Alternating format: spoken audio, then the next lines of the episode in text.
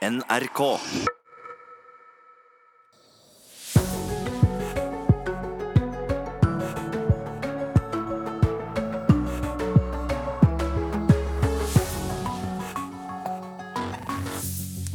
Da er Nyhetsmorgen i gang og forlater stasjonen med disse sakene. KrFU ber moderpartiet droppe omkampene om KrFs hjertebarn skatteklasse 2 i de kommende budsjettforhandlingene. Rosenborg ble straffet for egne feil i St. Petersburg i går. Tapte 3-1 etter minst to tabber. Og president Obama var tilbake på den politiske scenen i går.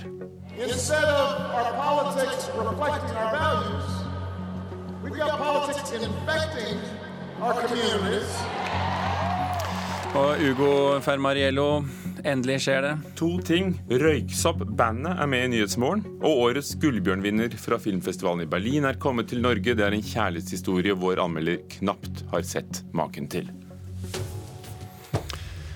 Og så skal vi også snakke mer om Norges første kvinnelige utenriksminister. Det kan bli henne i løpet av, i løpet av dagen. Vi er ikke helt sikre, men vi har eh, ganske gode kilder. Så eh, skal vi til KrFU, som altså ber moderpartiet droppe omkampene om KrFs hjertebarn, skatteklasse 2. De mener partiet bør konsentrere seg om viktigere tilskudd. Hvis KrFU og flertallet får viljen sin, så kommer det til å ramme mer enn 80 000 ektepar. Dropp skatteklasse 2, prioriter heller engangsstønad, eh, familier som har en vanskelig situasjon og som venter barn. Det er den klare oppfordringen fra lederen i Kristelig Folkepartis Ungdom, Ida Lindtveit. Da må i så fall moderpartiet KrF skrote en av sine hjertesaker. Lindtveit begrunner rådet fra KrFU slik. Det er bare KrF som mener det, så uansett så kommer det omkamper på dette. Og det er en støtte som faktisk er integreringshemmende og hindrer spesielt kvinner eh, med minoritetsbakgrunn å komme i arbeidslivet. Så vi mener at man skal droppe det, og heller fokusere på andre ordninger for barnefamilier. Og da peker vi spesielt på engangsstønaden. Skatteklasse 2 er en skattefordel for ektepar der kun den ene jobber, eller der den ene av ektefellene har veldig lav inntekt. Hvis ordningen skrotes, slik KrFU og et stort flertall på Stortinget vil, kommer mer enn 80 000 ektepar til å bli rammet. Så et slikt kutt vil ikke finanspolitisk talsperson Kjell Ingolf Ropstad fra KrF umiddelbart gå med på. Det vil gjøre vondt i KrF-sjela. Vi vet at mange av de som er i skatteklasse 2 har dårlig økonomi, så det er en sosial profil. I tillegg til at det handler om eh, at en skal gjøre det enklere for de som har et forsørgerbehov fordi den ene da eh, ønsker å være hjemme, f.eks. med barn over litt lengre tid. Men hvis dere er det eneste partiet på Stortinget som er for skatteklasse 2, eh, deres eget ungdomsparti sier at dere skal droppe det, hvorfor kan dere ikke bare droppe det? Det er jo fordi at det er en viktig sak. Det er mange mennesker som har kommet med innspill og fortalt hvor krevende situasjonen det er. Vi vet at det både er mennesker med en veldig låg inntekt, men òg uh, familier som har valgt annerledes og dermed vil få en, en, ganske stor skatteskjerpelse. Uh, derfor er det viktig for KrF, men, men, vi må prioritere. Det er mange ønsker, det er mange krevende kutt som vi ønsker å, å rette opp i. og derfor så Når vi legger fram KrF sitt alternative budsjett, så må vi gjøre en prioritering på hvordan vi best kan styrke familiene. Det øret hører ikke KrFU-lederen på. Det er en eh, relativt liten eh, ordning. Det er få som faktisk bruker den. Og jeg mener at eh, istedenfor så bør kvinner eh, som nå er hjemme, se seg om etter å kanskje få jobb. Eh, og det går også faktisk på de som har en mann eller en kvinne da, som er i jobb, som har høy inntekt. Vi bør heller målrette sånn at ordningene våre treffer de med svak økonomi, og treffer barnefamilier, ikke bare hele løpet. Og reporter her, det var David eh, Voislav Krekling. Og hvis jeg tipper programleder Bjørn Myklebust at dette er noe som vi får mer om i Politisk kvarter, hvor eh, treffsikker er jeg da? Det var blink KrF møter KrF. Men eh, så må vi snakke om disse nye statsrådene også, som du skal også snakke Ja, om vi, litt kom, senere. vi, vi tjuvstarter litt før deg, skjønner du, men kvart på åtte er det du. Hva Ja. skal du ha da? Vi spør eh, trenger vi en europaminister, eller bør vi heller få tilbake en utviklingsminister? Eh, Hilde Frafjord Jonsson hun har jo vært utviklingsminister. Hun, hun mener de fattige trenger en egen forkjemper i regjeringen. Den jobben klarer utenriksministeren utmerka selv, mener Heidi Nordby Lunde. Og det Ine Eriksen Søreide trenger hjelp til nå, og nå håper jeg at det er rett til bli, blir henne, er i europaspørsmål. Eh, Og så ser det altså ut som det er det som skjer, at Frafjord Jonsson er den som blir skuffet i dag.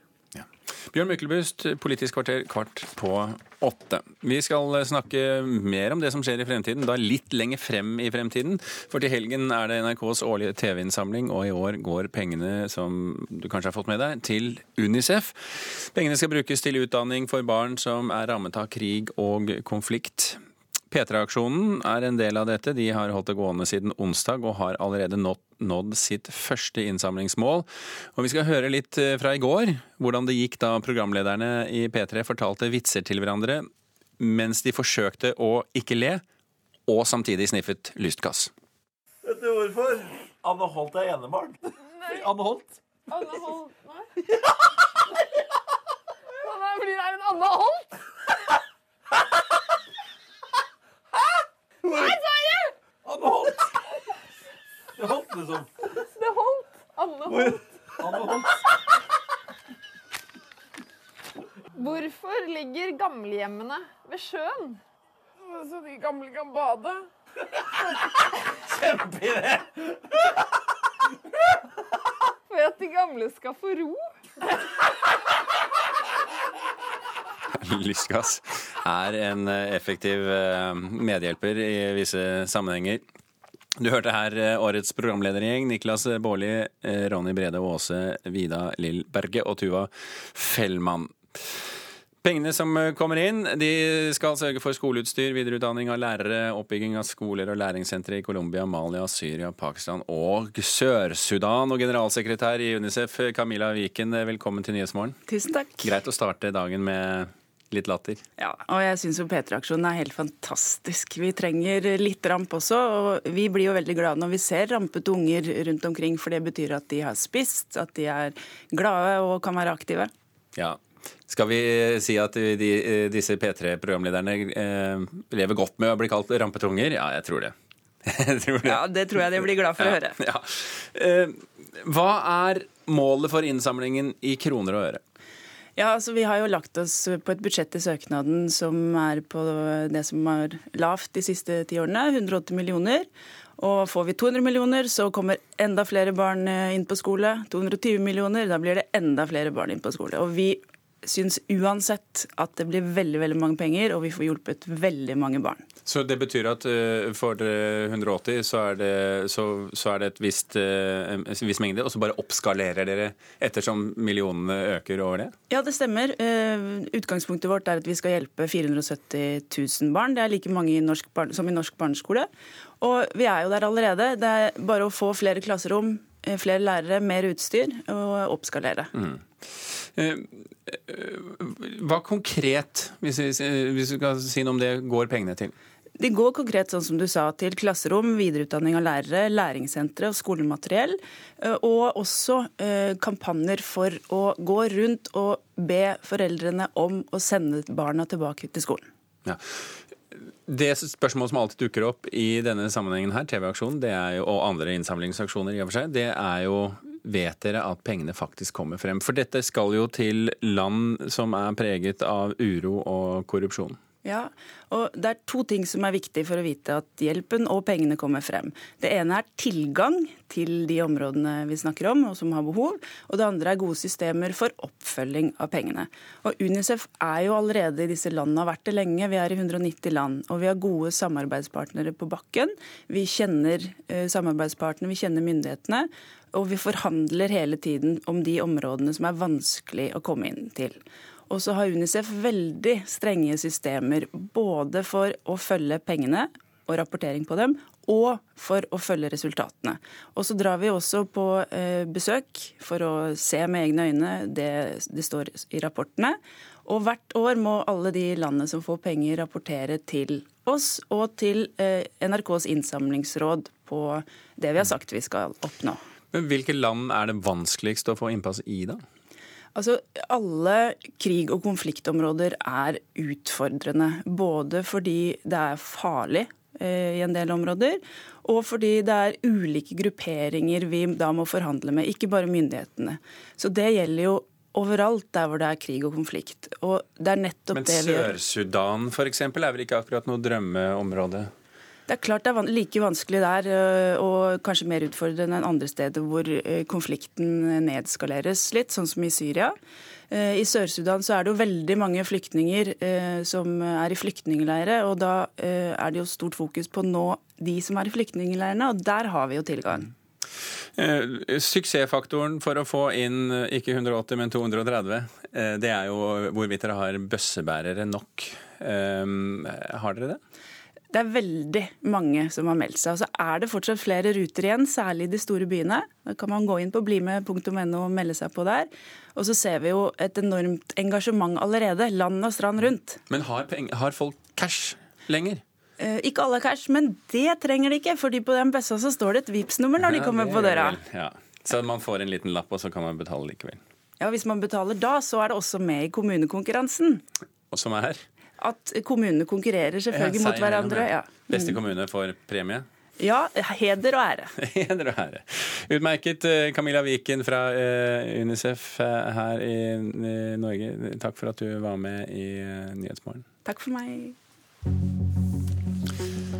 Så har vi eh, kommet til eh, tidspunktet da vi ser litt på hva noen av avisene skriver i dag. Strømregningen din kan se veldig annerledes ut eh, i fremtiden. I hvert fall ønsker NVE å lage et system for strømbetaling à la det mange har på sin mobilregning. Altså at dersom du bruker ekstra mye strøm i visse perioder, så vil du også få høyere pris på nettleien, på samme måte som du betaler ekstra om du går over grensen for mobildata på mobiltelefonen din f.eks. Dette er mulig fordi alle snart har installert disse automatiske målerne, og NVE ønsker på denne måten å motivere folk til å redusere strømforbruket sitt i perioder der belastningen er høy, og, og heller da bruke der belastningen er lav. Det er VG som skriver dette i dag. Norske barn er best på nett, det skriver Adresseavisen i dag. Eller kanskje burde de sagt at de er mest på nett, men det henger vel sammen uansett. Norske barn ligger helt fremst i bruken av digitale hjelpemidler. Det viser forskningsprosjektet EU Kids Online, en samling av forskning fra 150 universiteter i 33 europeiske land. Og Forskningen viser at eh, fordelene ved å la barn være på nett i høy grad oppveier de negative konsekvensene. Og at barn i liten grad går til de voksne for å finne ut av ting de opplever eh, som problemer på nett. De løser det stort sett selv. Suksessfaktoren er likevel at foreldrene engasjerer seg ikke bare i det vanlige livet til barna, men også det digitale livet til barna. Adresseavisen som skriver dette i dag, altså. Allerede etter 59 sekunder slapp Rosenborg inn det første målet i Europaligakampen mot Zenit St. Petersburg i går kveld. Etter hvert kom trønderne mer inn i kampen og hadde til tider føringen i første omgang. Men to store feil fra Niklas Bentner og André Hansen i andre omgang gjorde likevel kampen til et klart tap. Her slås den ballen i bakrommet mot Rigoni! Og så skårer Zenit! Så gjøres det en kjempetabbe av Bentner! Ai, ai, ai, ai, ai. Niklas Bentner! Det sto 1-0 til hjemmelaget frem til halvveis i andre omgang, da ballen gled ut av hendene på målvakt André Hansen etter en svak lobb. Dermed gikk Zenit St. Petersburg opp til 2-0, og da Niklas Bentner sendte ballen rett til motspillerne, noen minutter senere kunne Ariel Rigoni sette inn sitt tredje mål for kvelden. André Hansen mener 2-0-målet var hans feil. Vi er på det nivået som vi er, så bør jeg ta den. Altså, jeg blir litt sånn Det blir litt utfordrende for meg i dag òg, at vi blir litt flate i den femmeren.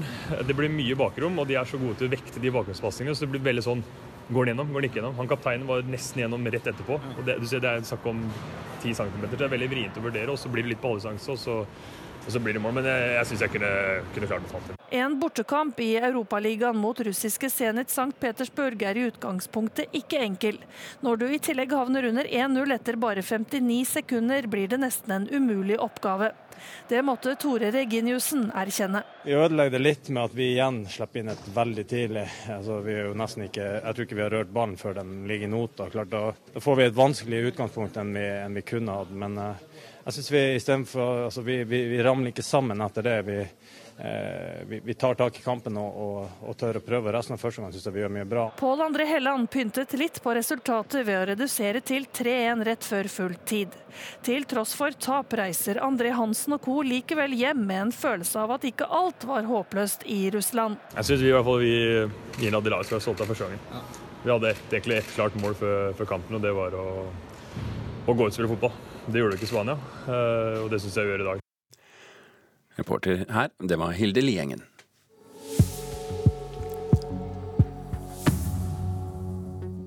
Vi hører på Nyhetsmorgen i NRK P2 og Alltid nyheter. Klokken er 06.45. Dette er ja, 06.48 er, skal jeg være helt eh, nøyaktig. Dette er hovedsaker i nyhetene våre i dag.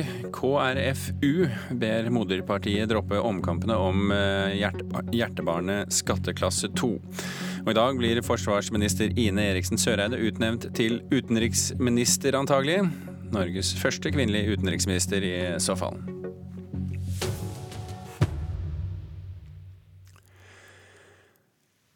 Hvis du vinner et valg ved å splitte, vil du verken klare å styre eller å forene et folk. Det var Barack Obamas budskap da han i går kveld holdt sin første politiske møte siden Trump ble president. Og Obama var ikke den eneste ekspresidenten som kritiserte Trump i går, uten en gang å nevne navnet hans. Yes, we can. Mens publikum ropte hans kjente gamle slagord, kom Barack Obama på scenen i Virginia i natt. Der er det guvernørvalg om tre uker, og ekspresidenten bestemte seg for å heve stemmen igjen ved å drive valgkamp for den demokratiske kandidaten etter å ha vært nokså taus siden Trump overtok i Det hvite hus. Uten å nevne Trumps navn kritiserte Obama sin etterfølger for både å splitte og ødelegge. People, you're not going to be able to govern them. You won't be able to unite them later. Hvis du må vinne ved å splitte folk, vil du verken klare å styre eller å samle dem etterpå, sa Obama. Mye står på spill for demokratene i året som kommer. Elections matter. Voting matters. You can't take anything for granted. You can't sit this one out. Mens Obama satt i Det hvite hus, mistet partiet hele tolv guvernørembeter. Kongressvalget til neste år blir også svært viktig for partiet, som til tross for republikanernes åpenbare splittelser og problemer må jobbe svært hardt for å reise kjerringa etter katastrofevalget i fjor. Det var imidlertid en annen ekspresident som i går enda mer stikkende og overraskende stilte diagnosen til USA. We've seen our discourse degraded by casual cruelty. At times, it can seem like the forces pulling us apart are stronger than the forces binding us together. Uenighetene våre er blitt til ondskap. Fordommer og rasisme får fritt spillerom, sa George W. Bush i et foredrag i New York. Bush har vært svært forsiktig med å kritisere sine etterfølgere i de snart ni årene som er gått siden han flyttet ut av Det hvite hus. Han har imidlertid innrømmet at han ikke stemte på Donald Trump i november i fjor. I går tegnet han et dystert bilde av det han mener er Trumps USA. Også han helt uten å nevne presidenten ved navn. Mens de negative karakteristikkene altså haglet, vant Trump imidlertid en ganske betydelig seier i Kongressen i natt. Der vedtok republikanerne forslaget til statsbudsjett, som det har vært knyttet stor usikkerhet til. Budsjettvedtaket gjør at det vil bli lettere å få vedtatt skattereformen, som er svært viktig for både Trump og republikanerne. Tove Bjørgaas, Washington.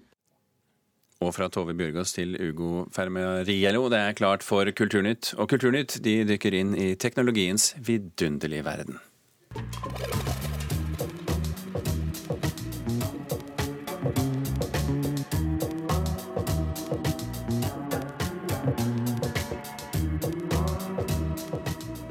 Dette er elektronikaduoen Røyksopp, og de bruker nemlig teknologi for å finne sine helt egne lydbilder, og det har de gjort så lenge de har holdt på. Fra i dag av utgjør de et viktig bidrag til utstillingen Fuzz om teknologien som forandrer musikken. Det er god stemning under åpning av musikkutstillinga på Popsenteret i Oslo. Elektronikaduoen Røyksopp er spesielt spente. Vi har vært så heldige å få lov å bidra med vår keyboard Insight. Nå har ikke vi sett noe enda av det som skal komme, så det blir spennende å se hva folk har fått til her. Utstillinga handler om musikk og teknologi. Kunstnerisk leder Pål Skjerven forklarer. De stiller ut noe som er på en måte beviset på hvordan musikken har blitt som den har blitt i dag. Lå, hvorfor alt har fått den lyden den har fått. Hvordan eh, fargingen av teknologi har på en måte preget hvordan musikk har utviklet seg, sjangere opp gjennom hele historien. Flere artister, som Jarle Bernhoft og Fay Wildenhagen, bidrar i utstillinga om hvordan de bruker ny teknologi i musikken sin. Røyksopp er også til stede på åpningsfesten. Skal vi gå inn i det her? Ja, det kan vi godt gjøre. Ja, her var det mange inntrykk. Det var helt klart. Eh, her kan, man, her kan, man, bruke litt tid. Bruke tid det ser jeg med en gang. Eh, akkurat her vi sitter nå, så har man et klaviatur foran seg og en videoskjerm.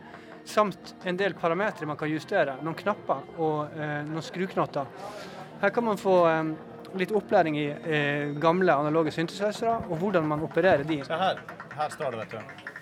Det som ligger her, er en en demonstrasjon for synten Korg MS20, som uh, Torbjørn er veldig glad i å, å, bruke, som vi har brukt helt siden barnsben av.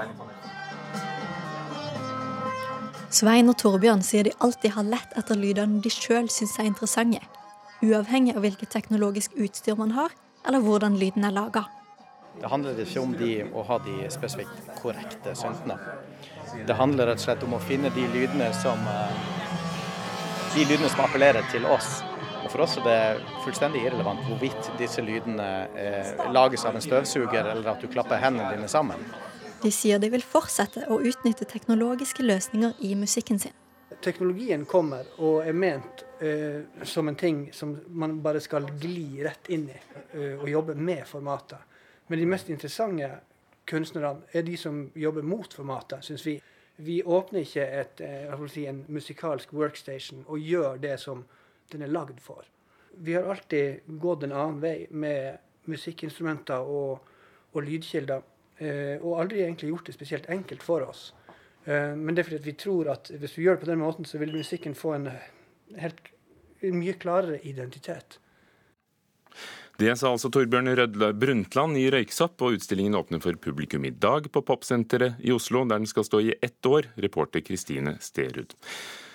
Få har vel gått glipp av at det har stormet rundt den kjente amerikanske filmprodusenten Harvey Weinstein de siste ukene. Anklager om seksuell trakassering og voldtekt har ført til at den mektige filmprodusenten bl.a. ble sparket fra sitt eget selskap, og mange kjente skuespillere og mindre kjente har stått frem med sine historier. Dette har ført til en stor reaksjon på sosiale medier. Reporter Daniel Guanio, hva, hva går de ut på? Altså her viser sosiale medier virkelig hva det er godt for. Uh, under emneknaggen metoo, eller hashtaggen uh, metoo, så har millioner delt historier om trakassering. Og Det er kvinner som står frem og deler erfaringer om uønska seksuell oppmerksomhet. Mange norske kjendiser har også slengt seg på eh, kampanjen. Uh, Hollywood-skuespiller Tom Hanks sier til BBC at, at Weinstein-saken er et paradigmeskifte i Hollywood. First, we got to hear from everybody so that we understand how vast and how all encompassing this was. That's A. B is it's all got to change. Uh, there are, there, look, dette må forandre seg, sier Tom Hanks. Og dette blir også tema i Fredagspanelet om en drøy time her i Nyhetsmorgen. Og det skal handle mer om film. Den ungarske filmen om kropp og sjel har premiere på norske kinoer i dag. Den vant Gullbjørnen i Berlin tidligere i år, og vår filmkritiker Birger Vestmo forstår godt hvorfor. Endre vagyok, a gazdasági igazgató. Rácz Mária, minőségellenőr. Den ungarske filmen Om kropp og sjel forteller en kjærlighetshistorie man knapt har sett maken til. Den foregår nemlig i et særegent univers med desidert annerledes figurer, noe som gjør det her til en helt spesiell film. Historien er befriende naiv og uskyldig, samtidig som det benyttes noen sterke synsinntrykk som skaper store kontraster mellom form og innhold. Gullbjørn-vinneren fra Berlinalen glimrer med originalitet i en sjanger der det er godt gjort å være nyskapende.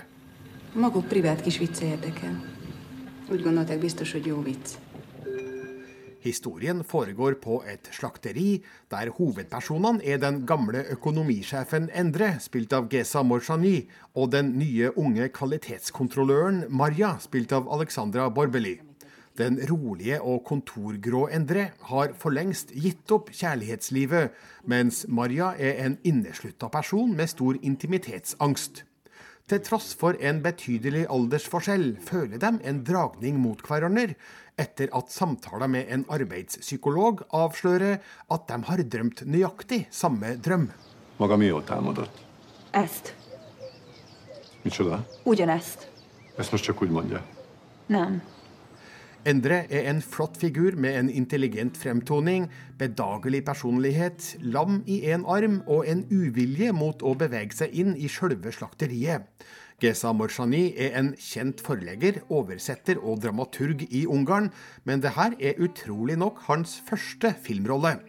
Marja er òg en sky og tilbaketrukket person, vakkert spilt av Alexandra Borbeli. Det er rørende å se hvordan hun gradvis, og svært forsiktig, åpner seg opp og tar usikre steg mot en slags tilnærming til Endre.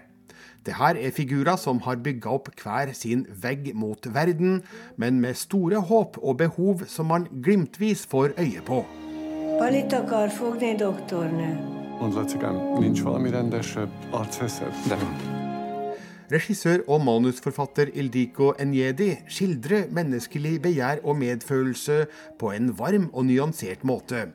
Filmen utforsker sjelas dyp og vekker stor sympati for hovedpersonene, samtidig som omgivelsene de beveger seg i, innbyr til filosofering over livets gang og skjørhet. En ting som òg er verdt å merke seg, er at filmen ofte er veldig morsom, med sine finurlige skråblikk på menneskelige fakta, feil og mangler. Om kropp og sjel er et deilig kjærlighetsdrama som går klar av alle romantiske klisjeer. Akkor majd este találkozunk. Om kropp og sjel anmeldt av Birger Vestmo her i Nyhetsmorgen i NRK. Og så nevner jeg at i Kulturnytt om en times tid så samles Fredagspanelet, men nå er klokken syv.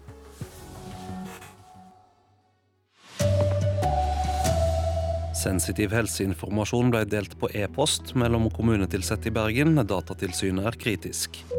Den tidligere amerikanske presidenten Barack Obama tilbake på den politiske arenaen og kom med kritikk av Trump. Her er NRK Dagsnytt klokka sju. Sensitiv helseinformasjon ble spredd på e-post mellom ansatte i Bergen kommune. Lene Nilsen har meldt kommunen til politiet etter at Datatilsynet slo fast at praksisen bryter med personvernlova. En lege legeerklæring om barnet hennes ble skanna og delt på e-post.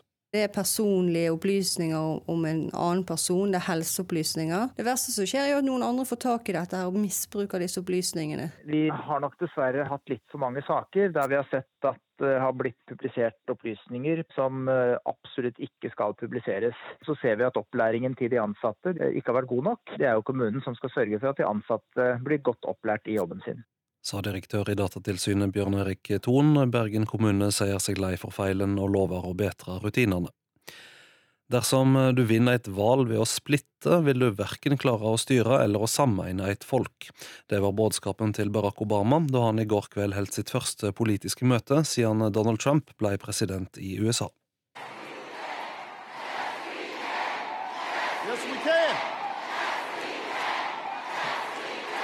Mens publikum ropte hans kjente, gamle slagord, kom Barack Obama på scenen i Virginia i natt. Der er det guvernørvalg om tre uker, og ekspresidenten bestemte seg for å heve stemmen igjen ved å drive valgkamp for den demokratiske kandidaten etter å ha vært nokså taus siden Trump overtok i Det hvite hus. Uten å nevne Trumps navn kritiserte Obama sin etterfølger for både å splitte og ødelegge. If you have to win a campaign by dividing people, you're not going to be able to govern them. You won't be able to unite them later. Hvis du må vinne ved å splitte folk, vil du verken klare å styre eller å samle dem etterpå, sa Obama. Mye står på spill for demokratene i året som kommer. Elections matter. Voting matters. You can't take anything for granted. You can't sit this one out. Mens Obama satt i Det hvite hus, mistet partiet hele tolv guvernørembeter. Kongressvalget til neste år blir også svært viktig for partiet, som til tross for republikanernes åpenbare splittelser og problemer må jobbe svært hardt for å reise kjerringa etter katastrofevalget i fjor. Tove Bjørgaas, Washington.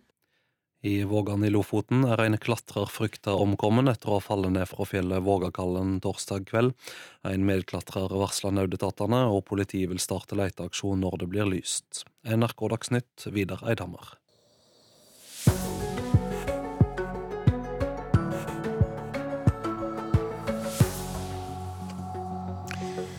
Klokken er tre minutter over sju. Du hører på Nyhetsmorgen i P2 og Alltid nyheter, og vi fortsetter med disse sakene.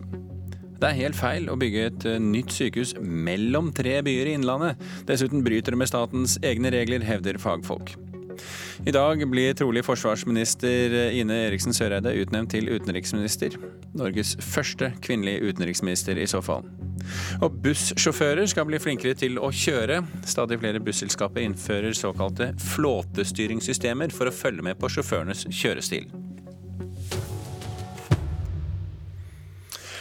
Ja, et eh, innlandssykehus ved Mjøsbrua blir liggende for langt unna der folk bor. Det mener eksperter på byplanlegging og transport. Mjøsbrua ligger midt mellom Hamar, Gjøvik og Lillehammer, men ikke nær noen av byene, egentlig. Forsker Gro Sandkjær Hansen ved Norsk institutt for by- og regionforskning mener det er svært uheldig. Jeg syns det er ganske hårreisende at man nok en gang får en statlig lokalisering som ikke bygger opp rundt bysentrene. Flere nybygde eller planlagte sykehus er blitt kritisert for å ligge for langt fra bysentrum og knutepunkt for kollektivtrafikken. Det gjelder bl.a. Kalnes i Østfold, Ullandhaug i Stavanger og Hjelset to mil fra Molde. En arbeidsplass til rundt 10 000 ansatte, pluss brukere og pårørende. Da må du ha gode kollektivløsninger for at det skal kunne betjenes. I dag behandler styret for Sykehuset Innlandet ledelsen sitt forslag om å bygge et stort sykehus ved Mjøsbrua. Blir det til slutt vedtatt i Stortinget, skjer det i strid med det som heter statlige planretningslinjer for samordna bolig-, areal- og transportplanlegging. Det sier forskningsleder Aud Tennøy ved Transportøkonomisk institutt. Ja, Da ligger jo det utafor alle byene, eh, og da er det klart i strid med de statlige planretningslinjene. Retningslinjene skal fremme utvikling av kompakte byer og tettsteder, redusere transportbehovet og legge til rette for klima- og miljøvennlige transportformer. Men i en ny rapport for Statsbygg påpeker Transportøkonomisk institutt at staten sine egne virksomheter ofte bryter retningslinjene når de flytter eller bygger nytt. Særlig gjelder undervisningsbygg og sykehus, sier Aud Tennøy. Man eh, legger stor vekt på at det skal være eh, billig, og det er ofte mye billigere å bygge utenfor byen på et jorde enn å bygge sentralt. Og så er det mer eh, sykehusfaglige type kriterier som man legger vekt på. Det handler jo f.eks. om at man, hvis man bygger nytt over et annet sted, så kan virksomheten gå som den vanligvis gjør i det gamle sykehuset, mens det nye bygges, og så bare flytter man. Hva er problemet med å legge et sykehus ved Mjøsbrua?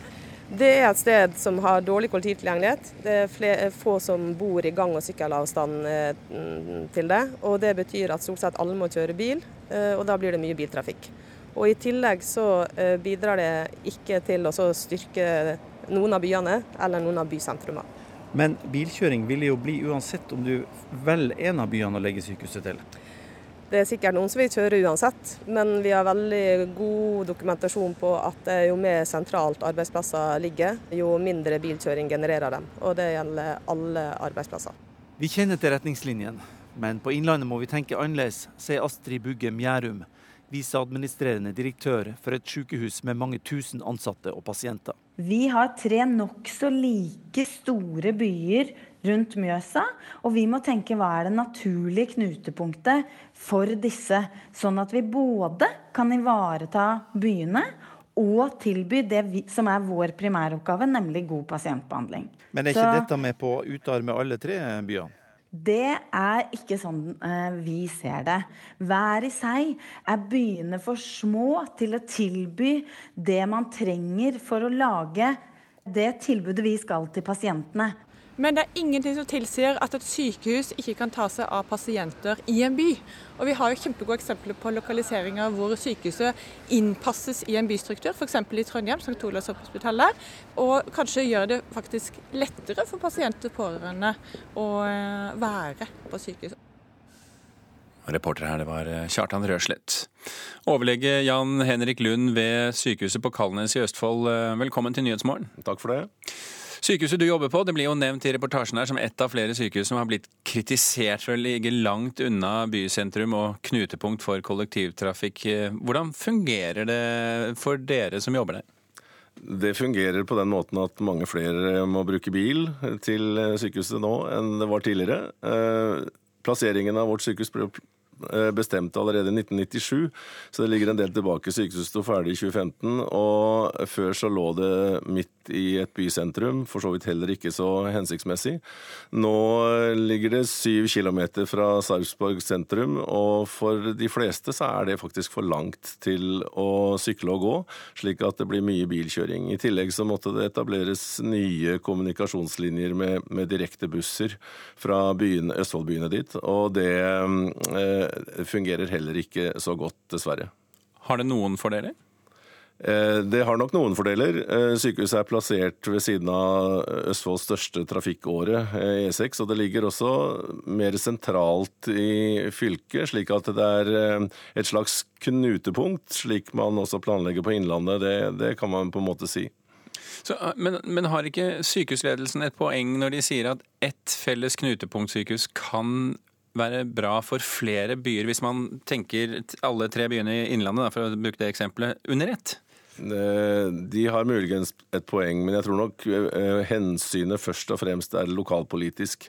Her har man ønsket å imøtekomme de lokalpolitiske behovene, eh, og det er for så vidt legitimt i og for seg. Men her, når man plasserer et sykehus midt mellom byene, så må alle kjøre. Hadde man plassert eh, nærmere én by, eller i én by, så hadde det imøtekommet eh, nærhet for en ganske stor del, og så måtte resten kjøre.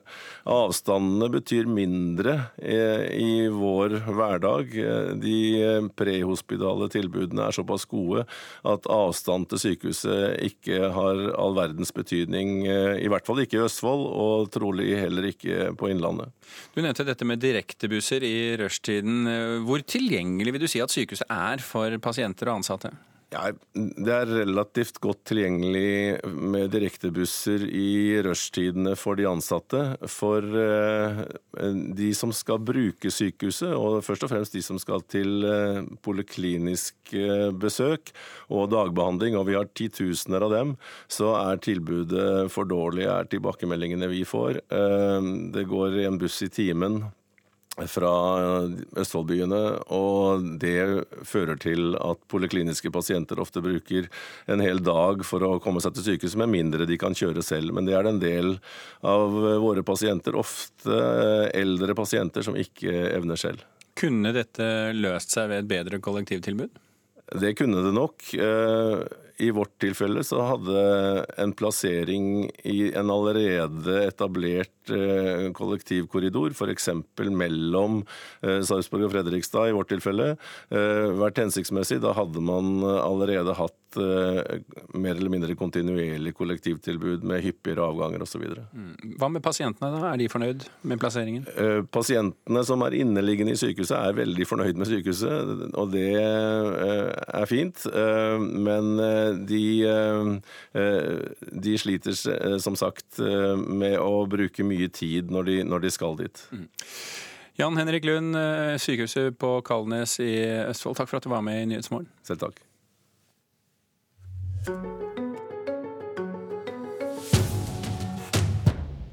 dag blir trolig forsvarsminister Ine Eriksen Søreide utnevnt til utenriksminister. Så langt har ingen kvinne hatt denne jobben. Elbjørg Løver hun husker godt den dagen hun svingte opp foran sin nye jobb.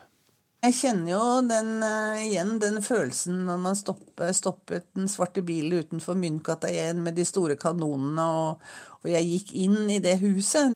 Og det var det ærverdige Forsvarsdepartementet på Akershus festning. La oss spole tilbake til 15.3.1999, da statsminister Kjell Magne Bondevik kunngjorde flere statsrådsskifter, bl.a. forsvarsministerposten. Ny forsvarsminister blir statsråd Elbjørg Løver, Norges første kvinnelige forsvarsminister. Men det var ikke bare i Norge hun var først. Ikke bare er Elbjørg Løver Norges første kvinnelige forsvarsminister. Hun er også Natos første kvinnelige forsvarsminister overhodet. Noen mente nok det var eh, ja, nesten utilgivelig at eh, man valgte en forsvarsminister som ikke var, eh, hadde hatt engang førstegangstjenesten. Forteller Løver. Etter hun kom Kristin Krohn Devold, Anne Grete Strøm Eriksen, Grete Faremo, Strøm Eriksen igjen, og nå Ine Eriksen Søreide. Men på utenriksministerstolen i Victoria terrasse har det så langt bare sittet menn. Nå kommer den første kvinna. På mange måter er det naturlig. Eh, på en, annen, på en annen side så er det en milepæl i den forstand at nå er også Norge et land med en kvinnelig utenriksminister. Sånn sett så er det en, eh, så er det en milepæl. Dersom vi får en kvinnelig utenriksminister, så viser jo det at vi, eh, vi er kommet langt i Norge. Altså, da er de tre viktigste maktposisjonene i regjeringen bestående av kvinner. Det sier Bjørn Kristian Svensrud, som fortsatt titulerer seg som formann i Fremskrittspartiets Ungdom. Han mener menn og kvinner har tilnærma like forhold. Og det viser at man har kommet såpass langt at menn og kvinner vurderes likt uh, i, i, i, mange situasjoner. Det kommer relativt bra i forhold til uh, mange land i verden, men vi har jo ikke nådd målet om 50-50. Det sier mangeårig kvinnesaksforkjemper, politiker og forsker Toril Skar. Men hun er enig i at utenriksministerposten er spesiell.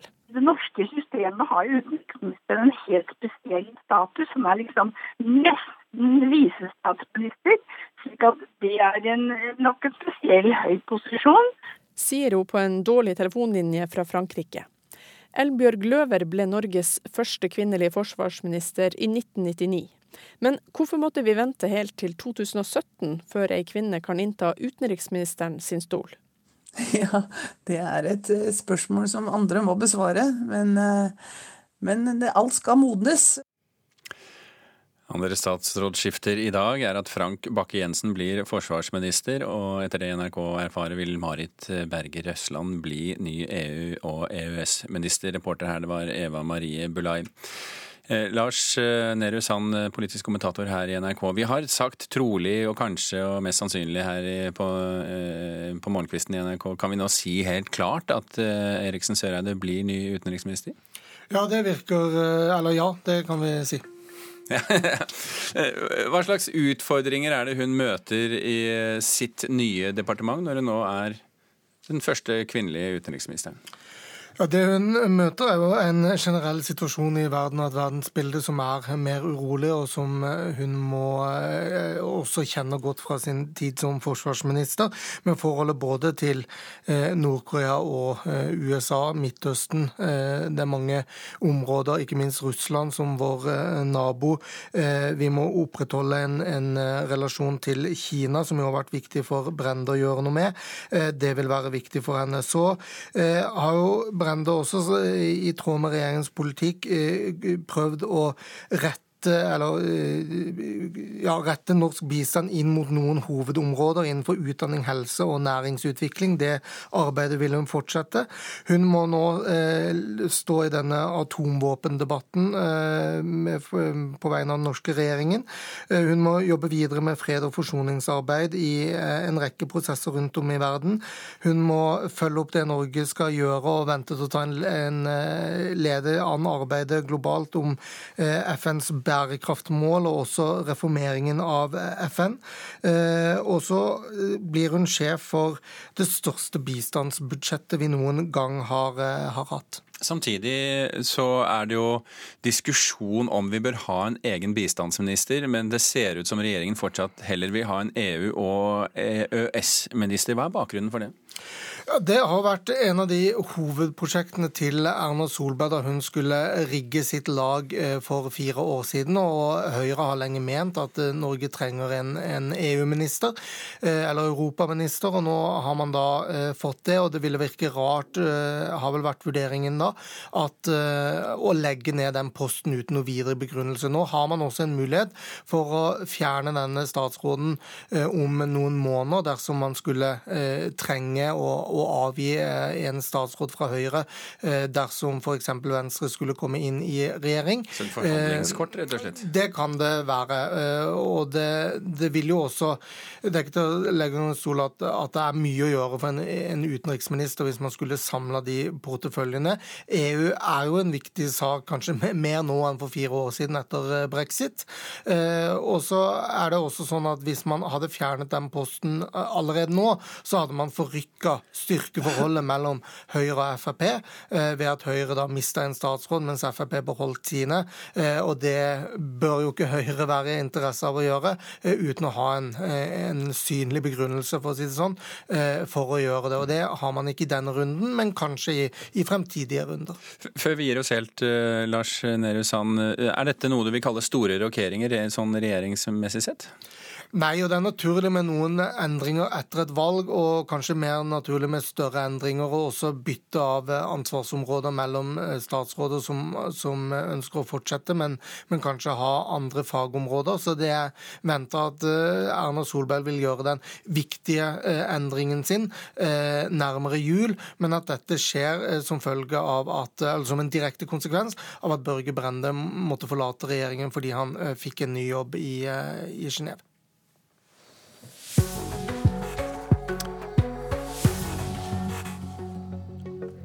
Klokken har eh, snart passert 19 eh, minutter over eh, sju. Ti sekunder igjen til det. Du hører på Nyhetsmorgen. Dette er hovedsakene våre i dag.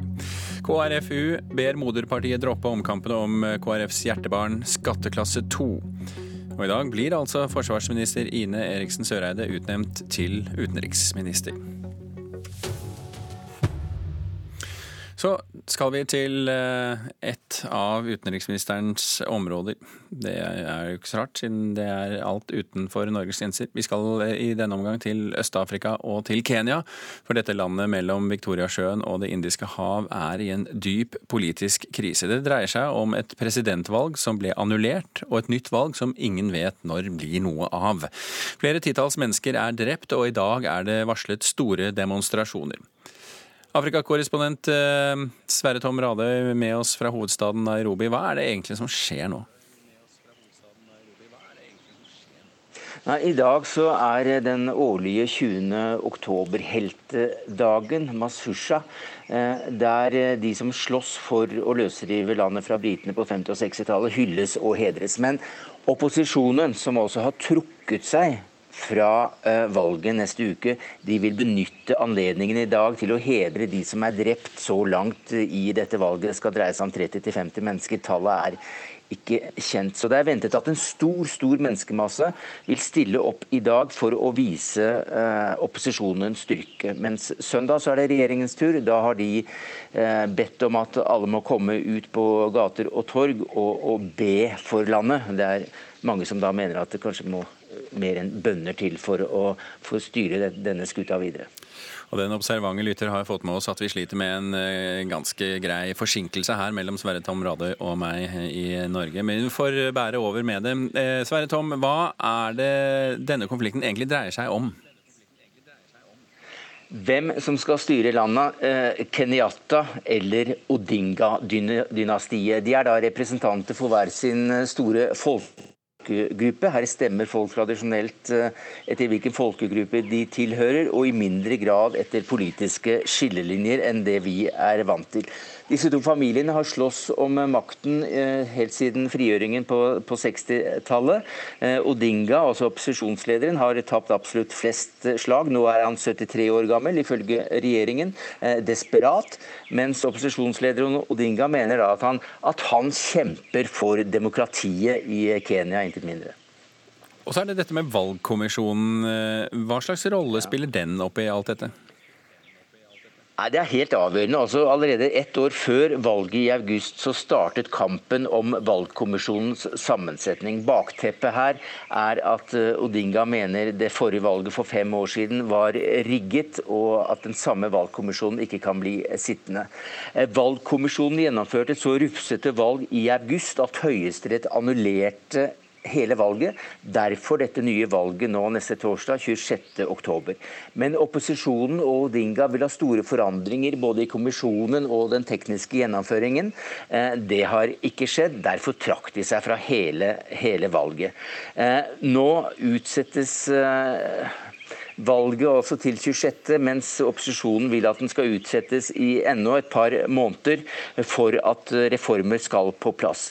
Eh, dette dette som skjer akkurat nå, er veldig dramatisk. For en av de viktigste valgkommisjonærene, en kvinne, rømte landet for eh, to dager siden, redd for sitt eget liv. Hun sier at eh, slik det er nå, kan ikke et fritt og uavhengig valg gjennomføres.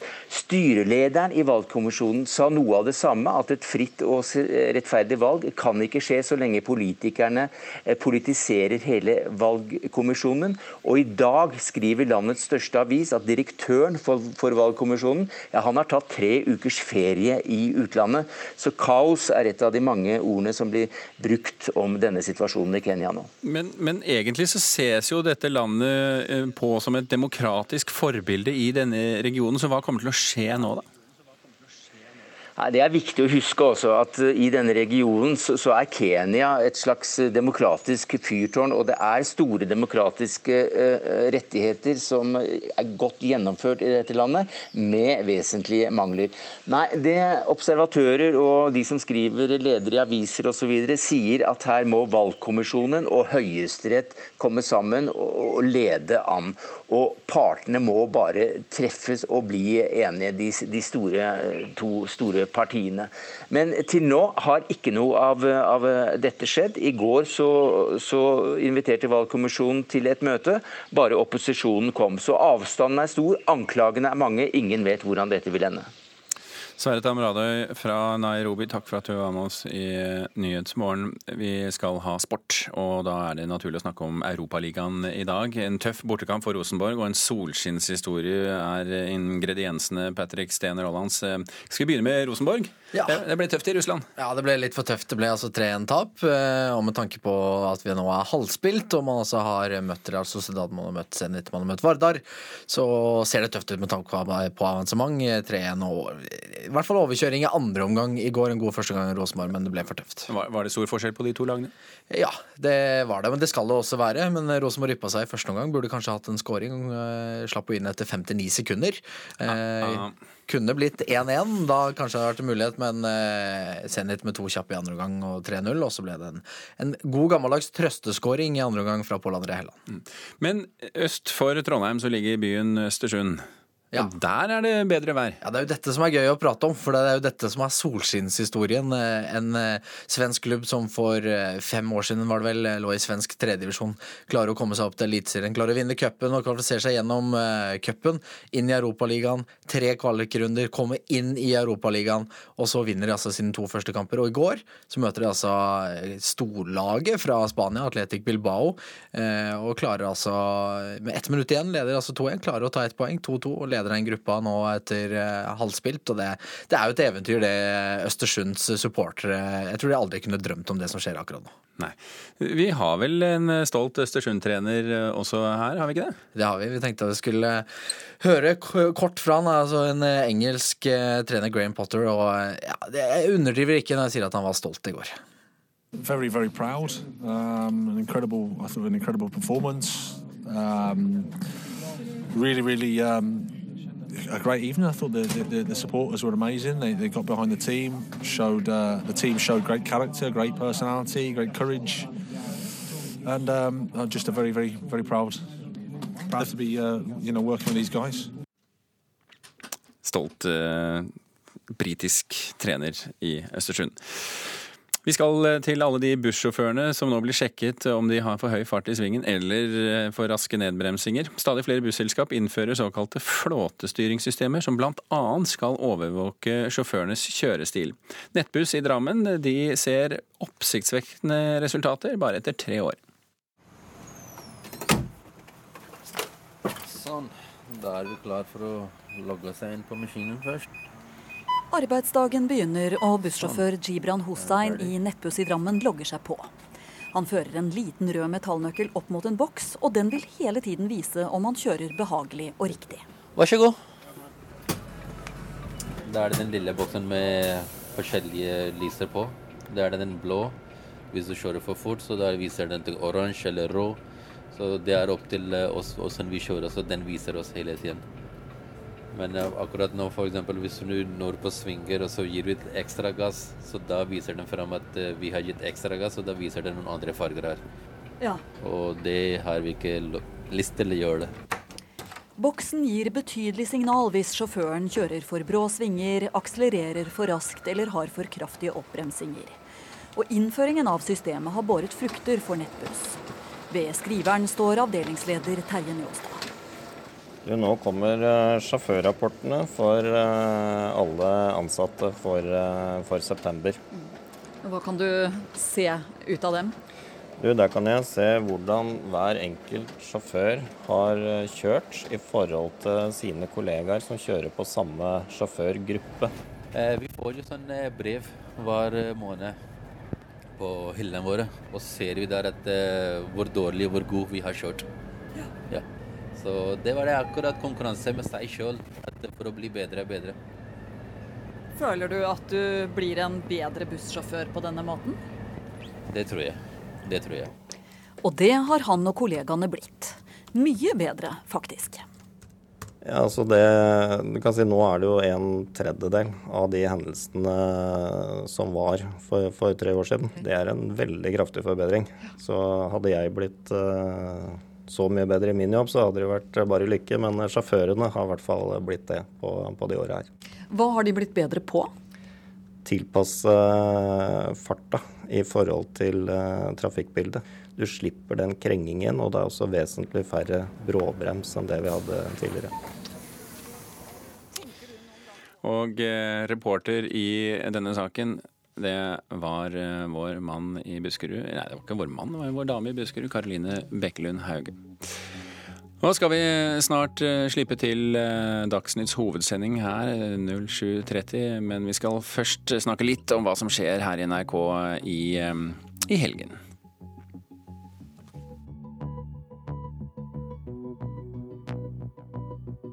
På søndag så er 100 000 bøssebærere i sving over hele landet.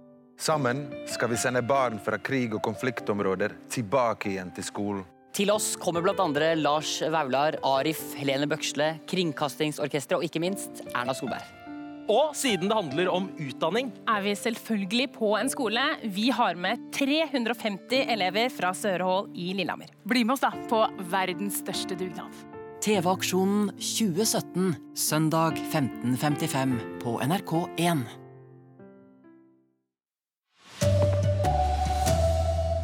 To kvinner skal leie Utenriksdepartementet. I dag blir Ine Eriksen Søreide den første norske kvinnelige utenriksministeren.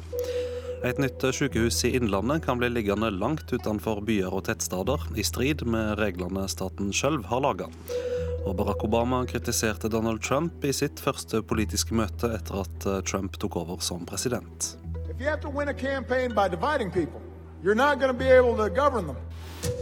Her er NRK Dagsnytt klokka 7.30.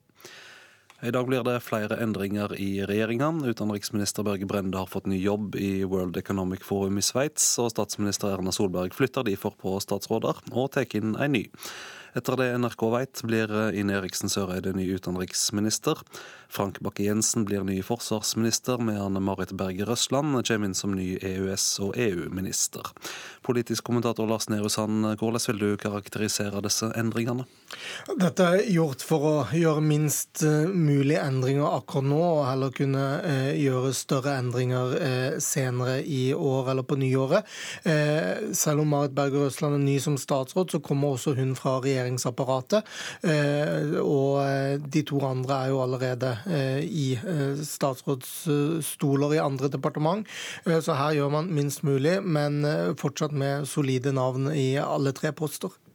Ja, Marit Berger Røsland er et ukjent navn for folk flest. Hva kan du si om henne? Hun har eh, gått Høyreskolen, Høyre-skolen, holdt jeg på å si, hatt verv i Unge Høyre og også jobba tett på bypolitikken i eh, Oslo, da Høyre var med å styre den. Hun har erfaring fra UD i flere omganger og er nå statssekretær for Børge Brende. Hun har fulgt mange av de prosessene hun nå skal styre som statsråd, med ansvar for EU- og EØS-saker, og er derfor godt egnet til å, gjøre, til å gjøre denne jobben, og har også en juristbakgrunn og advokat fullmektig på, eh, fra det sivile livet, nær sagt.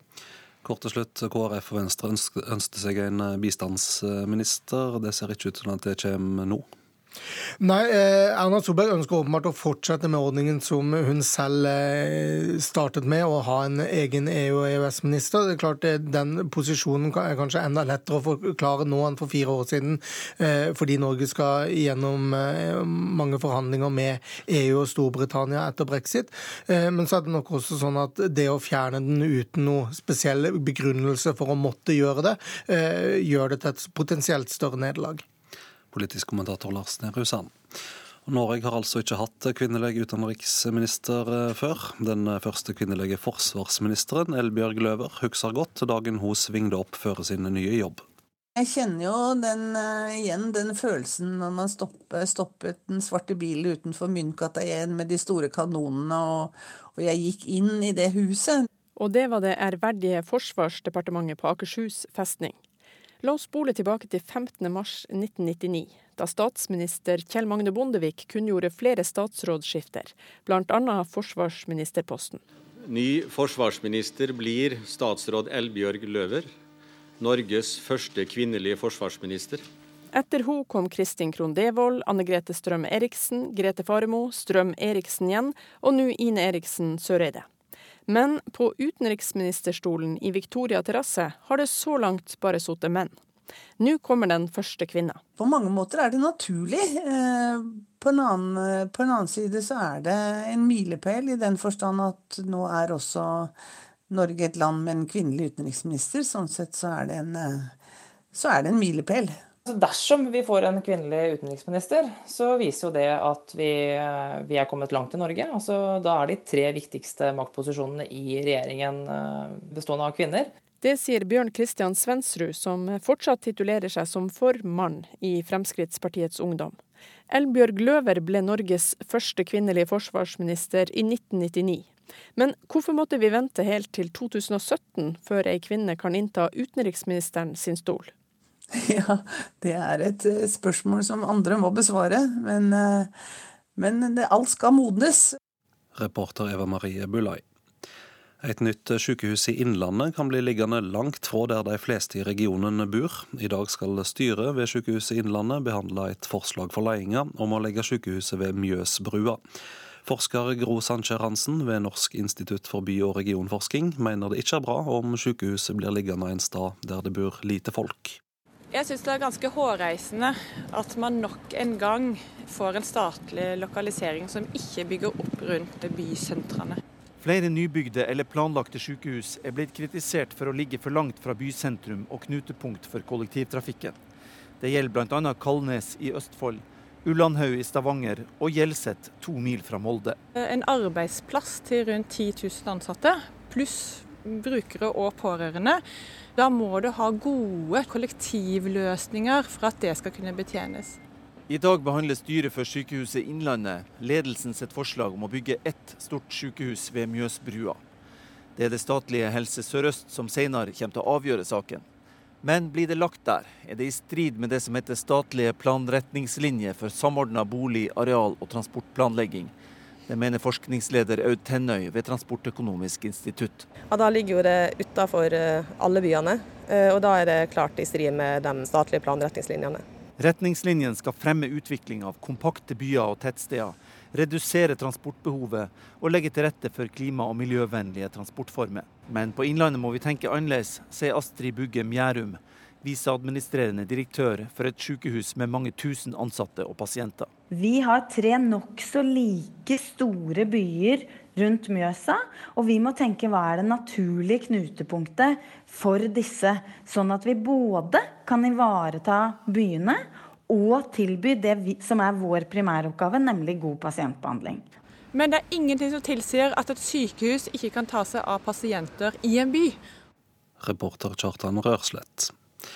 Dersom du vinner et valg ved å splitte, vil du verken klare å styre eller foregne et folk. Det var budskapen til Barack Obama da han i går kveld holdt sitt første politiske møte siden Trump ble president. Og Obama var ikke den eneste tidligere presidenten som kritiserte Trump i går. Mens publikum ropte hans kjente gamle slagord, kom Barack Obama på scenen i Virginia i natt. Der er det guvernørvalg om tre uker.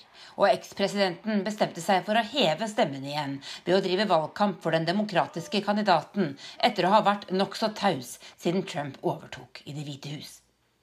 Uten å nevne Trumps navn kritiserte Obama sin etterfølger for både å splitte og ødelegge. Hvis du må vinne ved å splitte folk, vil du verken klare å styre eller å samle dem etterpå, sa Obama. Det var imidlertid en annen ekspresident som i går enda mer stikkende og overraskende stilte diagnosen til USA. Uenighetene våre er blitt til ondskap. Fordommer og rasisme får fritt spillerom, sa George W. Bush i et foredrag i New York. Bush har vært svært forsiktig med å kritisere sine etterfølgere i de snart ni årene som er gått siden han flyttet ut av Det hvite hus.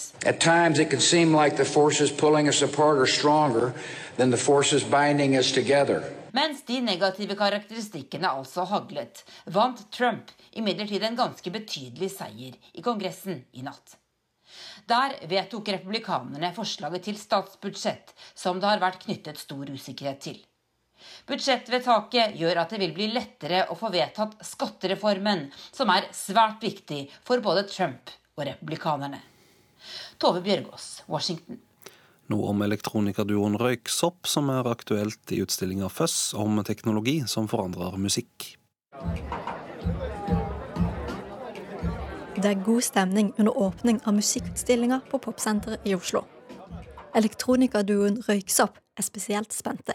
Vi har vært så heldige å få lov å bidra med vår eh, keyboard eh, Insight. Utstillinga handler om musikk og teknologi. Kunstnerisk leder Pål Skjerven forklarer.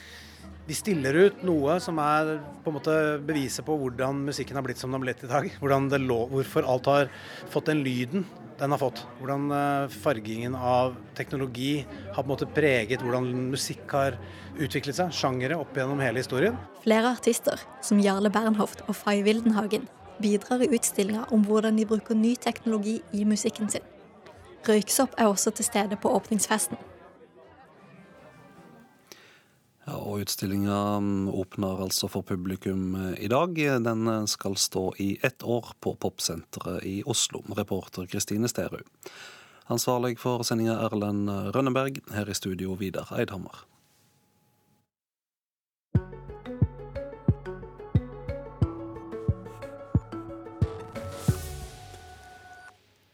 Og det var Dagsnytt 7.30, som sammen med Kulturnytt og Politisk kvarter og alt annet på radioen mellom halv sju og ni utgjør Nyhetsmorgen. Politisk kvarter kommer for øvrig om ca. fem minutter, og tiden frem til det skal vi fylle med snø og snøscootere. For det nærmer seg jo vinter og tid for skredulykker. Mange skred utløses av snøscootere, og siden tusenårsskiftet har 16 scooterkjørere mistet livet i skredulykker i Norge. Derfor blir kunnskap om snøskred og snøskredfare en obligatorisk del av opplæringen for de som nå skal ta skuterlappen. Det forteller seniorrådgiver i Vegvesenet i Finnmark, Christian Øvernes. Bakgrunnen er jo, er jo, for å redusere risikoen for at de her ulykkene skal skje. Så mange som 16 mennesker er jo tatt siden år 2000 i de her ulykkene. Ut på tur i Guds frie natur på snøscooter. Men ikke alle scooterturer ender godt, for siden tusenårsskiftet har 16 scooterkjørere mista livet i skredulykker i Norge. Nå vil Vegdirektoratet ha antallet dødsulykker ned, og gjør skredkunnskap obligatorisk for dem som nå skal ta scooterlappen. Det betyr opplæring i bruk av søkerstang og skredsøker, lese skredvarsler og analysere skredterreng. Vi tror at hvis man, hvis man er bedre i stand til å lese eh, terrenget og lese snøskredfare, så roter man seg ikke inn i områder der, der risikoen for det her er. Eh, nå er det sånn at Hvis du kjører i løyper i dag, så det jo, skal det jo være kvalitetssikra av kommunene at det ikke er rasfare i løypene. Men hvis du har æren utfor løypa, så, så, så, er jo det her en, en avgjørelse du må gjøre sjøl. Så det er viktig at man kan lese terrenget og avgjøre sjøl om, om, om, det er snøskredfare. Og så er det også viktig at hvis de her ulykkene skjer, at man klarer å berge seg ut av dem. At man vet hvordan man skal bruke en søkestang, man vet hvordan man skal lete gjennom et ras. Så, så den nye læreplanen uh, legger mer til rette for den Eh, at man også får den kunnskapen inn. Og nå scooterfolket har også vært viktig for NVEs snøskredvarsling. Det er nemlig vanskeligere å se faresignalene når du kjører snøscooter, sammenligna med det å gå på ski. Det sier lederen for skredvarslinga, Rune Engeseth. Når du kjører scooter, så dekker det jo veldig store områder. Så at, eh, sånn skredmessig så kommer du borti antagelig mye forskjellig terreng, og også mye forskjellig eh, snø. Og eksponerer deg for, eh, for skredfare på en helt annen måte enn hvis du går på, på ski, hvor du også kanskje lettere oppdager faretegn og alarmtegn. Ellers så tenker jeg også kanskje altså Det vi har sett, har vært en veldig sånn utvikling i i kunnskapsnivå hos eh, folk på, på, ski de siste årene. Jeg tror nok kanskje ikke det har samme utviklingen på, hos de som kjører snøscooter. Og det tenker jeg at når det da kommer til å gå inn i opplæringen, så kommer også de som kjører snøscooter å bli litt mer interessert i å, å forstå litt når er, når er snøen farlig, og når er den ikke farlig. Antallet snøscootere i Norge har steget jevnt de siste årene, og nå er det registrert vel 85 000 snøscootere på landsbasis, viser tall fra Statistisk sentralbyrå. Noen hundre av disse finner vi i Kåfjord i Nord-Troms, en kommune som jevnlig opplever dødsulykker i vinterfjellet. Dagfinn Lyngstad leder Kåfjord scooterforening og syns det er bra at skredopplæring nå blir obligatorisk for nye scooterkjørere. Nei, Det er jo noe vi stiller oss positivt til. Det er jo en kunnskap som ungdommene absolutt burde få med seg, og som vi ser, nytta ut av at de har. Det ferdes jo over lange avstander på uh, kort tid, og det går jo løyper i, i daler hvor det kan være skredfare. og Du kommer deg utrolig fort fram, og det er mye som kan kan skje på den turen. Hvordan tror du lærevilligheten er blant de som nå skal begynne å kjøre snøscooter rundt omkring? Nei, De erfaringene vi har fra tidligere, er jo at ungdommen er, er lærevillig, at man tar til seg det som, som kommer der. Men det er klart at, at eh, jo mer fokus på, på snøskred, jo, jo bedre blir jo kunnskapene om det. Reporter her, det var Rune Norgard Andreassen. Klokken er straks kvart på eh, åtte. Det betyr Politisk kvarter her på radioen. Men la oss først minne om toppsakene våre her i Nyhetsmorgen. I dag blir Ine Eriksen Søreide den første norske kvinnelige utenriksministeren. Et nytt sykehus i Innlandet blir eh, liggende utenfor byer og tettsteder, i strid med reglene staten selv har laget. Kan bli liggende utenfor byer og tettsteder, skal det være. Og Barack Obama kritiserte Donald Trump i sitt første politiske møte etter at Trump tok over som president i går. Instead of our politics reflecting our values, we've got politics infecting Politisk kvarter nå, altså. Det er eh, Bjørn Myklebust som sitter klar med folk i eh, studio.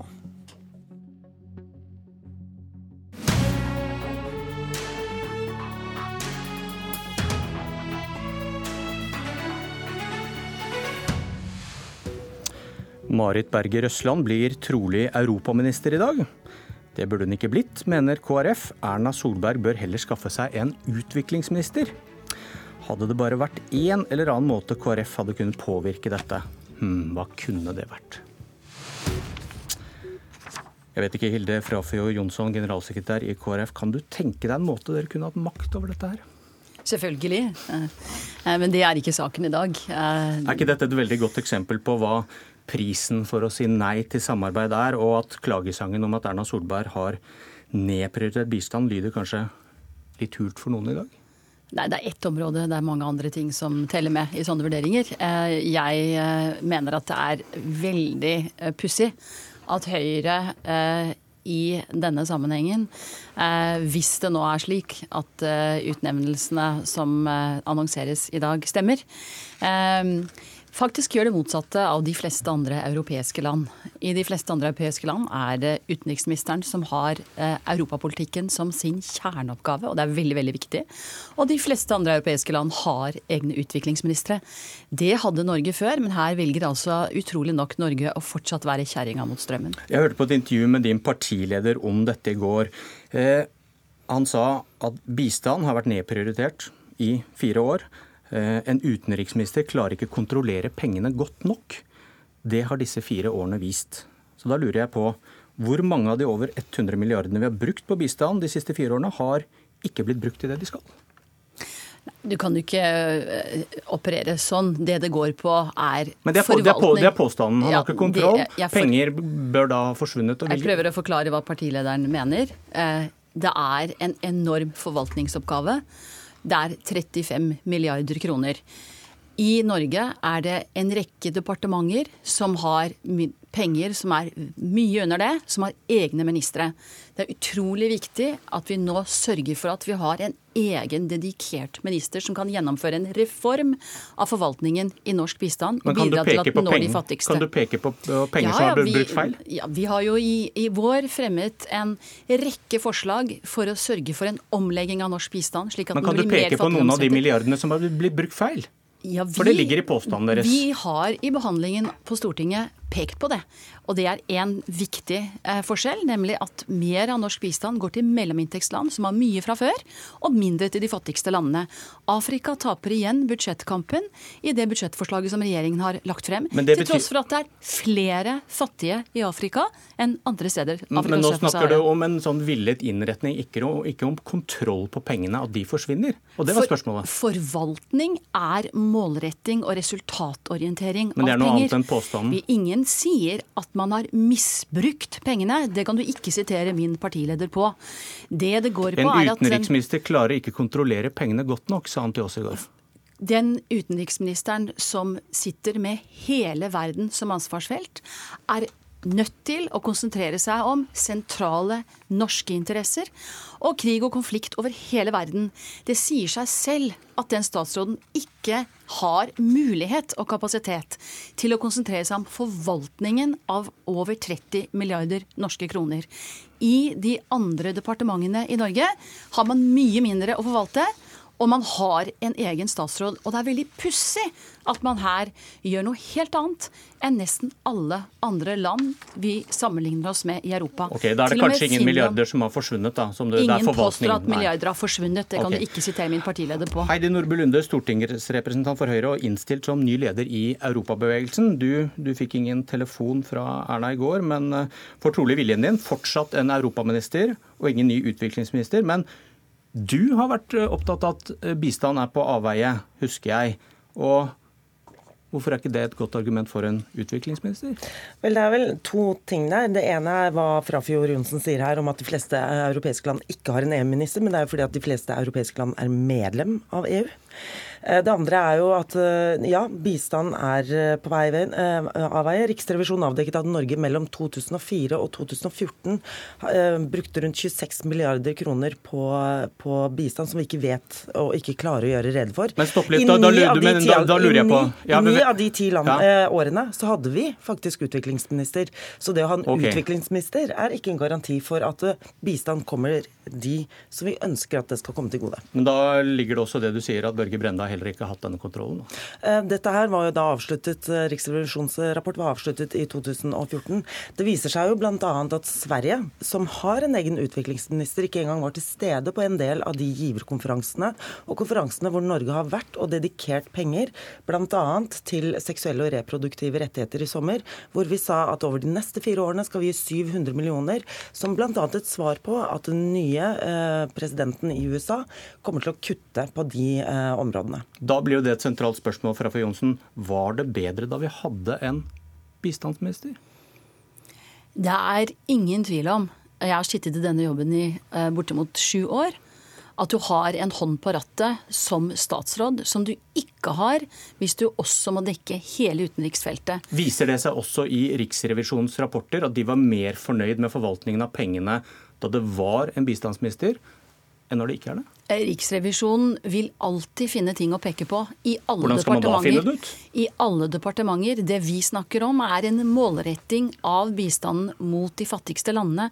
Det er noe annet enn akkurat disse rapportene på hvor forvaltningen, eh, hvordan forvaltningen har vært gjennomført i ulike konkrete prosjekter og programmer. Du vil sitte med det samme embetsverket, men denne gangen mener vi at vi trenger en full forvaltningsreform, slik at vi kan legge om politikken. Det er noe annet enn det statsråder har gjort før. Og det er det virkelig behov for nå. Det tror jeg de fleste i utviklingsmiljøet vil bekrefte. Norbe Nordby Lunde, hvorfor mener du vi trenger en europaminister fortsatt.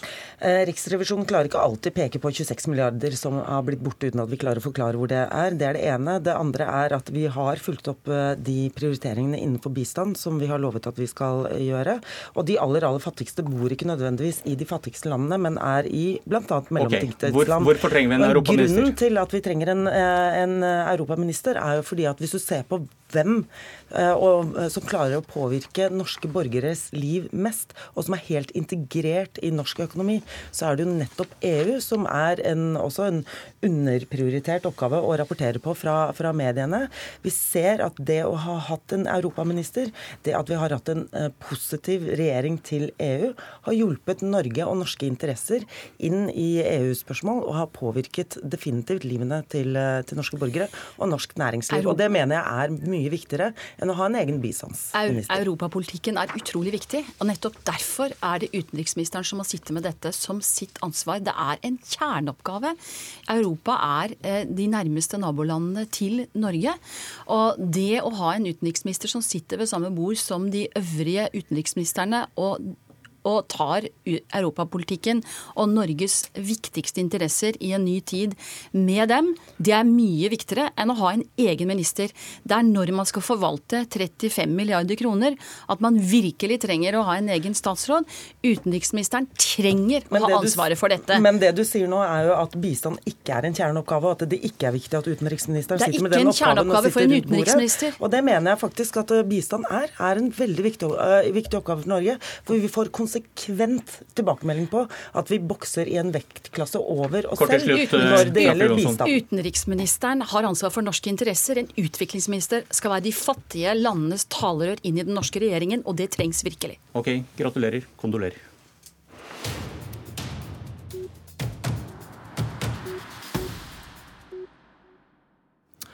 Så til noe KrF kan få være med å bestemme. Det blir kamp om skatteklasse 2 i budsjettet. Men før KrF kan ta kampen med regjeringspartiene, må de nedkjempe intern opposisjon. Og det er deg, Ida Lindtveit, leder i Kristelig Folkepartis Ungdom i hvert fall i to dager til. Ehm, hva er skatteklasse 2? Skatteklasse 2 er en eh, skatteklasse som eh, de som bare har én inntekt, altså ektepar som kun har én inntekt, eller den ene har veldig lav inntekt, eh, kommer i, som gjør at de får en lavere skatt enn det samboere f.eks.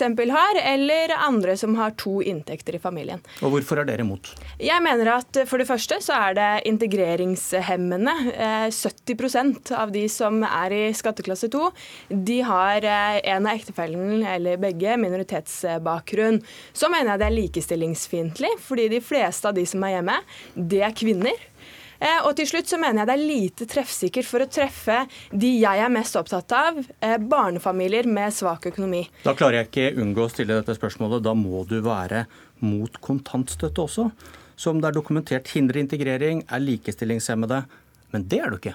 Nei, og jeg mener det er veldig stor forskjell på skatteklasse 2 og kontantstøtte. Fordi kontantstøtte det er en begrenset ordning som gjelder ett år etter man har hatt foreldrepermisjon. Det sikrer fleksibilitet for barnefamiliene. Men det er en Denne mye ordningen, større ordning, og det må det da være et mye ja, større problem? Nei, fordi det eh, gjør at familier kan ha fleksibilitet, kan være hjemme et år. Skatteklasse 2 den er for hele livsløpet. Den er ikke begrenset til å gjelde bare barnefamilier. Den er ikke ikke begrenset til å gjelde småbarnsfamilier. Okay. og Derfor mener jeg det er et mye større problem. Vi skal komme tilbake til din foreslåtte løsning til mannen som sitter ved siden av deg. Kjell Ingolf Ropstad, finanspolitisk talsmann i Kristelig Folkeparti. Hvorfor er du for skatteklasse 2? Det er to viktige grunner til det. Den første er som, som Ida egentlig her løfter fram. Da, det, det, handler jo om at de familiene som ønsker å velge annerledes, ønsker å være litt lenger hjemme med ungene sine f.eks., så kan de få en liten skattelett for det. og Mange av de har ganske krevende økonomi, så det handler om å få det til å gå opp. Og Den andre grunnen er at uh, veldig mange av de som er i skatteklasse 2, ca. halvparten, er pensjonister. Uh, og Det betyr at det er forskjellige grupper, og veldig mange av de har bare dårlig økonomi. altså De har minste pensjonsinntekt på 188 000. Så min frykt med å fjerne skatteklasse 2, det er at du skaper mer sosial nød. Eh, og det er ikke nødvendigvis enkelt å kompensere på andre måter. Eh, hva med en forklaring du ikke nevnte? Eh, et kutt vil ramme eldre velgere, noe KrF har flust av? Vi kunne sikkert diskutert hva velgerne våre, eh, eller hvilke skatteklasse velgerne våre er, men det er ikke derfor jeg til en kamp for skatteklasse 2. Det handler om de to tingene. Det handler om, om, om å, hjelpe en gruppe som er i en sårbar situasjon, og òg legge til rette for at du kan velge annerledes. Og det er klart at Når budsjettforslag for regjeringa legger opp til 200-300 millioner i skatteskjerpelse for uh, familier, så er det krevende for KrF å godta. Lindtveit, du vil heller flytte pengene fra alle til de unge. Hvordan da? Mm. Jeg ønsker at man istedenfor å prioritere skatteklasse 2, eh, som jeg mener er en lite treffsikker ordning, også for å treffe de problemstillingene som Kjell Ingolf trekker opp, eh, heller bør prioritere engangsstønaden. En støtte man får hvis man ikke har vært i jobb før man blir eh, gravid, og er da en støtte istedenfor det andre får i foreldrepermisjon. Har du rett til foreldrepermisjon som kvinne, så får du eh, flere hundre tusen kroner i foreldrepermisjon. Har du ikke vært i jobb, så er du avskåret med litt over 60 000. Eh, jeg mener at det er grunnleggende urettferdig. Og når du er ung kvinne, eh, gravid, er det noe du er usikker på, så er det den økonomiske situasjonen. Og jeg mener det er KrFs oppgave å sikre unge familier som står i den situasjonen. Det kan også bedre likestillingen på sikt, fordi at folk får barn tidligere, og man hindrer eh, avbrudd av arbeidslivet senere i livet. Hvorfor er det ikke bedre å bruke pengene på den måten? Eh, det er et veldig godt tiltak, og, og Ida vet veldig godt at det er takket være KrF at det er over 60 000, for det var over, eller bare 30 000 når, eh, tilbake til 2013, så det er en viktig sak for KrF. Men hvorfor ikke denne ordningen istedenfor skatteklasse 2? Det er jo bl.a. for det som jeg nevnte i stad, at ca. halvparten er pensjonister. Så det er ikke nødvendigvis et målretta tiltak for å hjelpe pensjonister. Eh, men, men Velgerne deres. Det, ja, I dag så ser det ikke ut som det er så mange av dem. Nei, 3,2% på DNs måling. Jeg trenger ikke rippe opp i det, men, men, men eh, det, som, det, som, jeg mener er hovedgreia, er jo at KrF òg må ta tøffe prioriteringer. Vi vet at det, KrF er eneste parti som er for skatteklasse 2. og Det er begrenset hvor mange gjennomslag vi kan klare. Vi skal gjøre det vi kan, men det er jo ikke dermed sikkert vi klarer det. og Da må vi ha andre tiltak som kan da må jeg spørre, spørre deg om det til slutt på prioriteringen når du skal i forhandlinger nå. Er dette viktigere enn flere lærere? Eh, dette, å styrke familiene er vel så viktig som flere lærere. og Regjeringa har vært ute mot at de ikke ønsker flere lærere heller. Så, så det er klart at det blir krevende for KrF. Vi hadde 4,2 oppslutning. Men hva velger du hvis du må velge mellom flere lærere og beholde skatteklasse 2? Eh, det jeg velger begge to, jeg. Du velger begge to. Ok, Er det viktigere enn kutt i dagpengene? Ja, Dette jo, viser jo utfordringer, for det er et budsjett der det er, det er mye bra, men det er jo ganske mange krevende kutt, og vi har ganske mange saker som vi ønsker å få inn. Da må vi helt sikkert gjøre de tøffe prioriteringene, men det må vi jo gjøre når vi vet hva som er mulig å få til. En siste appell som KrFU-leder til moderpartiet? Ja, jeg mener at skatteklasse 2 er noe man kan nedprioritere. Det gjelder også hvis den ene ektefellen har to millioner i lønn. Så blir man fortsatt skatta i skatteklasse 2 hvis en er hjemme. Og Det syns jeg ikke er en treffsikker ordning for å treffe barnefamilier og eventuelt pensjonister med dårlig råd. Takk. Lykke til med nye oppgaver når du nå går av. Takk også til Kjell Ingolf Ropstad. Dette var Politisk kvarter. Jeg heter Bjørn Myklebust.